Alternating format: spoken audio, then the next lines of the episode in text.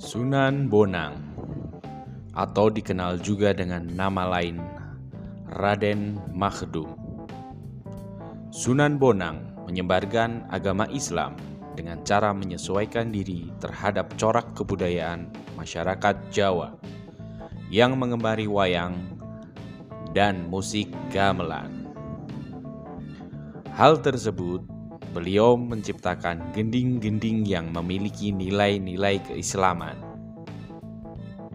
Setiap bait-bait lagu diselingi dengan ucapan dua kalimat syahadat. Syahadat Ain.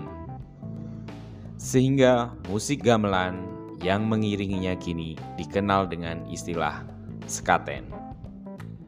Itulah sejarah singkat dari Sunan Bonang atau yang dikenal dengan nama Raden Makhdum dalam menyebarkan agama Islam.